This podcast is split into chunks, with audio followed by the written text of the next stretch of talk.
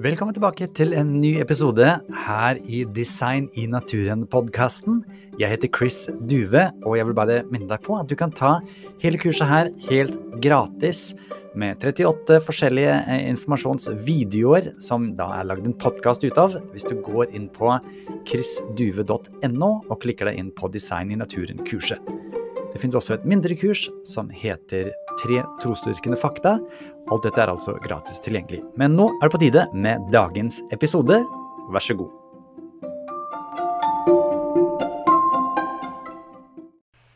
Hei, det er Chris her, og i denne undervisningsvideoen skal det handle om mulige forklaringer for den kambriske eksplosjonen. Harvard-paleontolog George Gaylord Simpson han sier fraværet av prekambriske fossiler, bortsett fra noen mikroorganismer, altså disse bitte små embryo og svamper og sånt, er hovedmysteriet i livets historie.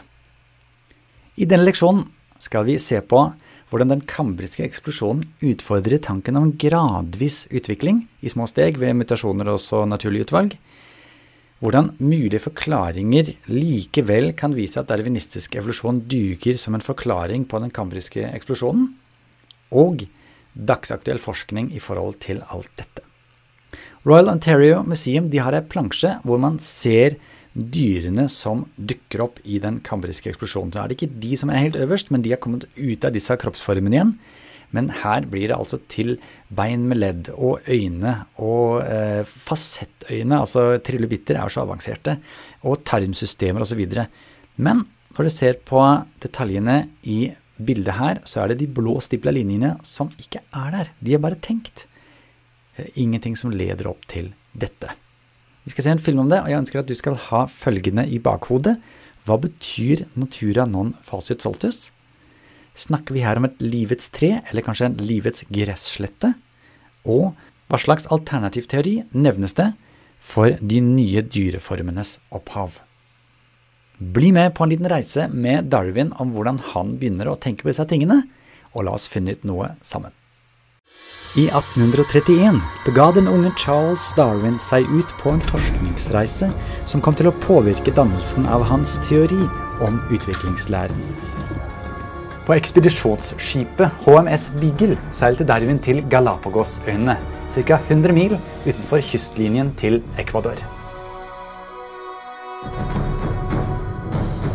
I fem uker utforsket Darwin denne avsidsliggende øygruppen med sin meget spesielle flora og fauna. Her begynte frøet til hans idé om livets tre til å spire. Ifølge Darwin kunne én livsform gradvis endre seg til en annen, og idet de stegvis fortsatte i sin egen utvikling, blei forskjellene i utformingen større. Over tid vil evolusjon få frem et enda større mangfold med spesifikke kroppsformer for nye dyregrupper. Phyla are abstract categories that bring together basic features that unite large groups of animals. So you can think about a phylum as a group of organisms that all share a basic architecture. Based on the body plan of the animal, we divide animals into these major groups. There's vertebrates, the backbone and soft bodies outside the, the bone structure. There's arthropods, which have a hard skeleton on the outside and a soft body on the inside. These are the insects and the crabs. There's the echinoderms, which are the sea urchins and starfish. Sea stars are different from jellyfish, uh, different from worms, and, and different from crabs and, and lobsters. So each group has their unique features to make them very different from the next group. Stabiliteten dyrets utforming har, og de spesifikke egenskapene til dyregruppene, er i sterk motsetning til Darwins tanke om livets tre. The phyla don't blend imperceptibly one into another. Arthropods, for example, didn't evolve from chordates. Uh, mollusks aren't the offspring of sponges. Instead, a phylum is in effect as different as it can be from another phylum. So, how did these differences arise? If one reads The Origin of Species, it's clear that Darwin's caught in a bind. Natura non facit saltum. That was Darwin's famous Latin phrase, which means nature takes no sudden leaps.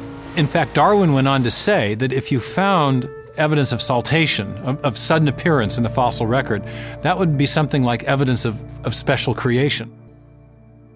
Imagine a graph, if you will, of the appearance over time of phyla. In Darwin's picture, you'd have one, then two, then four, perhaps, then eight, a gradually increasing curve of the number of phyla growing over time. What you actually have in the fossil record is a sudden spike in the number of phyla that appear during the Cambrian, and then a few that trickle in uh, across the rest of geologic time. This kind of discontinuity is radically at odds with the Darwinian picture of the history of life. The pattern we see is the major body plans present at the beginning, and that the organisms that we know today fall into one or another of those major body plans. They don't gradually increase over time. De kambriske dyrenes kroppsformer gjør mysteriet større på enda en måte. Den darwinistiske modellen postulerer at når nye dyreformer utvikler seg, fra enkelt til komplekst, går utviklingen gradvis fra små forskjeller i samme art til store forskjeller og nye arter, dvs. Si fra bunn til topp. Darwin's idea was that given enough time, evolution would lead to new species, new families, orders, and eventually phyla. And only after millions and millions of generations do you end up with, you know, the several dozen phyla that we see around us nowadays. That would be the bottom up pattern predicted by Darwin's theory. Now, the other picture is top down. The top down picture says the primary differences are original. They're there right at the start. When you find mollusks in the fossil record or the arthropods, boom, there they are, with the major differences present right at the beginning. So the upper level architecture is top down, present right there. Dette topp-til-bunn-mønsteret ligner ikke på det Darwins teori forutsa. If you look at any major invention, like the automobile, for example, the basic body design is set in place from the very beginning. You've got four wheels, a chassis, a drive shaft, two axles. There are certain basic features of all automobiles that have persisted since Ford and Benz got the whole thing going over a century ago.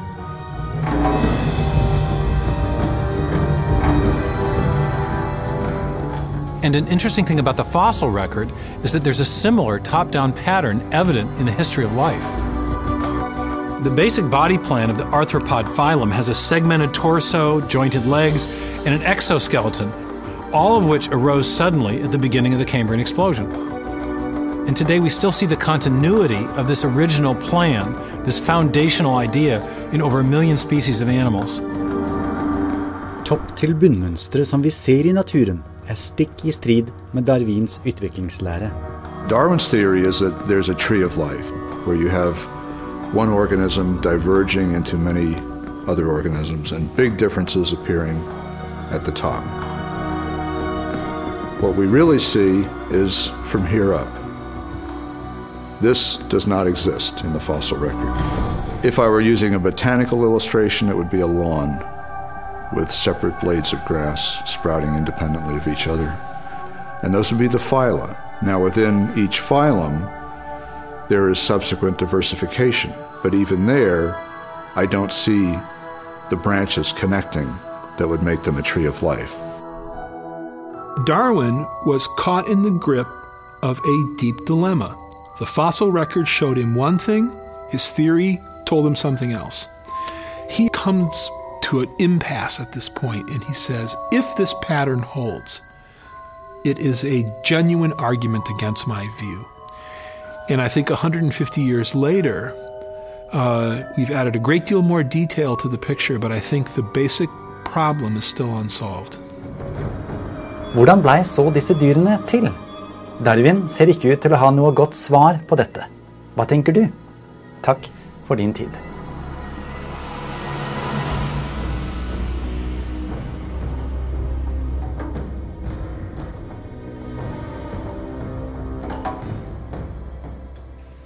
Du husker at Darwin sa hvorfor, hvis arter har utviklet seg i graderte endringer, har vi ikke masse overgangsformer. Og professor David Raub fra University of Chicago han sa at vi faktisk har færre eksempler for gradvise overganger i dag enn på Darwins tid, fordi noen av de gamle eksemplene har falt bort i lys av mer detaljerte undersøkelser. Så her har det skjedd et eller annet som ikke kan bli forklart ved små endringer, og da tar Peter Douglas Ward en logisk sluttrekning. Han sier hvordan kan dyr så komplekse som trilobitter bli til så plutselig komplett formet uten noe spor av deres forgjengere i jordlagene under? Hvis det noen gang fantes bevis som foreslår guddommelig skapervirksomhet, må denne overgangen fra prekambrisk til kambrisk, som vist ved tallrike utgravninger på hele jorden, være beviset. Nå er det ikke alle som er enig i at dette beviser design, fordi det fins noen mulige forklaringer på hvordan Darwin likevel kan få til en kambrisk eksplosjon, og det skal vi se på nå. En forklaring er at den kambriske eksplosjonen ikke var så rask. Store norske leksikon f.eks. sier det. Nyere forskning har vist at eksplosjonen var langsommere enn vi har trodd. Da lurer jeg på om de ikke er helt oppdaterte. Samtidig skriver de mange av gruppene har oppstått 10-15 millioner år tidligere. Husk nå, 15 millioner år. Det er bare en 3, 4, 5, 6, kanskje 10-12 forandringer i dyr. Bitte små forandringer som en fargeendring. Her er det noen som sier at dette skjedde på 5 millioner år. Dere husker her var en artikkel som sier at den kambriske eksplosjonen tok mindre tid enn før antatt. Og Gunther Bechli har gjort noen studier som viser at det faktisk var enda raskere. Så selv om det er litt sånn dispyt om disse tingene, så gjør det egentlig ikke så stor forskjell. Likevel så er det faktisk raskere enn før antatt. Så da er ikke den forklaringen noe å satse på. Så er en forklaring vi har ikke funnet fossilene, vi kommer til å finne de. Men du husker denne collector curve, og at vi har funnet det som er å finne for å kunne gi oss et godt bilde av det som har skjedd i makroevolusjonen. Så den oversikten gjør at nei, vi kommer faktisk ikke til å finne millioner av overgangsformer som trengs for å danne dette darwinistiske bildet. Da ser vi bort fra den forklaringen. Så er det det at overgangsdyrene kanskje ikke blei fossiler. De råtna. Eh, derfor mangler de. Og i teksten i stad, fra Store norske leksikon, så sier de også det. Fordi det står de utviklet ikke harde fossilerbare deler før ved starten av kambrium. Fossilerbare deler må ikke være harde. Det kan man til og med oppdage på Store norske leksikon sine sider, for her snakkes det om fossilerte fotspor. De er mjuke. Eller avføring. Det er også mjukt. De eldste fossilene er av bakterier, som det også er mjuke. Til og med det bladet som du ser på bildet her, har vært mjukt en gang. Men la oss høre igjen med dr. Gunther Bechli, som svarer på dette med hva om dyrene hadde råtna og rett og slett ikke hadde blitt til fossiler. This has been refuted in the past years because one of the most famous localities in the Cambrian where we find soft bodied small organisms is the so called Burgess Shale. And this Burgess Shale type of preservation has been used to classify a certain type of geological layers. And previously, we didn't know any Burgess Shale type layers from times prior to the Cambrian. But mean, meanwhile, we have found them, for example, in Mongolia and in China, vast deposits of Burgess shale type sediments which could preserve animals, even if they would have been small, even if they would have been totally soft bodied. But all we find in these layers, which yielded thousands of fossils, is algae. And even mainstream evolutionary paleontologists, meanwhile, admit that animals are not lacking from these layers because they happened to be overlooked or uh, didn't uh, were, weren't preserved, but because they didn't exist at this time. Så det som fantes, blei til fossiler. Men det er altså ikke det som ledet opp til de dyrene som vi finner. Disse overgangsdyrene mangler ikke fordi de råtna, så disse overgangsdyrene mangler ikke fordi de råtna og ikke blei til fossiler, de mangler fordi de aldri har vært til. Så er det dette med punktuert ekvilibrium, som er en teori fra Gold og Eldridge, men den viser ikke makrorevolusjon, men snakker om mikrorevolusjon. Mer om det i neste leksjon. Fordi Gould han holder likevel fast ved å si vi vet ikke hvorfor den kambriske eksplosjonen kunne etablere alle anatomiske hoveddesign så raskt. Og legg merke til ordet design. Derfor kan vi også se bort fra den siste innsigelsen. Dersom du ikke er helt sikker på det, følg med på neste leksjon. Da skal vi ta det opp i mer detalj, fordi man også trenger DNA, nye proteiner osv. for å skape disse dyrene som plutselig blei til. Niles Eldridge han sier vi paleontologer har sagt at livets historie støtter en gradvis tilpassende forandring, men vi har hele tiden visst at det ikke er slik. La oss høre på Gutter Bechley og hvordan han oppsummerer hva man kan komme fram til her.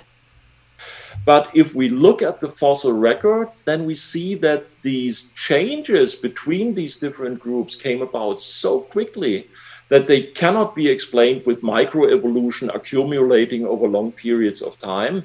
But there has to be something else. And this can be either something like creation or intelligent design, or you would have to come up with a totally different naturalistic process that could explain these sudden bursts of new information.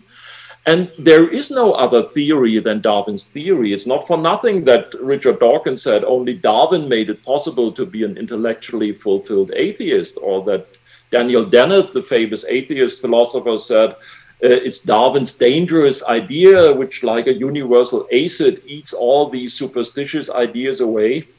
Uh, humanity in 2000 years of Western philosophy and science never came up with a different idea. How could we build up complex specified information from the bottom by a, a process of accumulation of small changes? So if this fails, then I think it's game over for naturalism and we require something like intelligent design. David Belinsky, en agnostiker som er utrolig smart. Han har en veldig fin bok som heter The Devil's Delusion, som anbefales, eh, om hvordan nyateistenes filosofi rett og slett har så mange hull at den ikke bør tros på.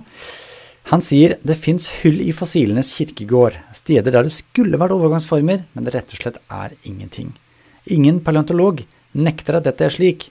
Det er et faktum Darwins teori og fossilene er i konflikt. Og der tenker jeg design er en veldig god alternativ teori. Om design er et alternativ teori som er vitenskapelig, skal vi snakke om mer neste gang. Vi skal også snakke om at det ikke bare er en kambrisk eksplosjon, men over 30 lignende eksplosjoner. Det er rett og slett omtrent bare eksplosjoner når nye ting skjer. Når det gjelder insekter, når det gjelder mennesker. Dette skal bli veldig spennende å oppdage. Pluss at vi skal møte eh, professor Ola Hørscher fra Sverige, som har lagd et dataprogram for å regne ut tiden for genetiske endringer, etter helt standard vedtatte evolusjonskalkulasjoner. Dette skal bli spennende. I denne leksjonen har du lært at små steg med mutasjoner og naturlig utvalg ikke kan forårsake den oppstandelsen av dyr som vi ser i det kambriske jordlaget. Du har sett at dyrene virker designet fra topp til bottom, ikke fra bottom til topp, over lang tid. Og vi har hørt om designtanken og hvordan den er en alternativ forklaring. Nå er det sånn at den bygger på informasjonsinput, som er nødvendig for å ordne de observerte faktene i fossilfunnene. Mer om at designtanken ikke bare er en sånn cop-out, ja, vi veit ikke derfor design, i neste leksjon. Tid for action, det er din tur. Og nå skal du svare på noen spørsmål, gjerne på oppgavearket hvis du har lyst til å skrive det ned. Tenk deg en samtale. Dere snakker om fossiler, og du blir spurt hva slags utvikling viser egentlig fossilene? Er det gradvis? Er det noen hopp her? Hva er det som er fakta? Hvordan forklarer noen som støtter revolusjon, at den kambriske eksplosjonen kan ha skjedd? Og hva kan man si til det? Hva kan man svare på det? Hva slags spørsmål kan man stille?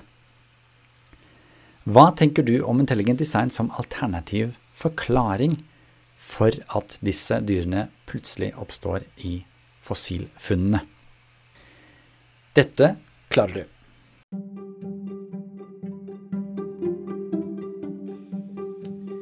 Igjen, dersom du ønsker å få tilgang til de hjelpearkene eller oppgavearkene, så er det jo fullt mulig for deg å signe opp til kurset. Da går det an å laste det ned. Hvis du går inn på chrisduve.no, så ser du all informasjonen der. Dersom du ønsker å støtte denne podkasten og annet arbeid som jeg holder på med, kan du også lese mer om det på chrisduve.no. Takk for nå.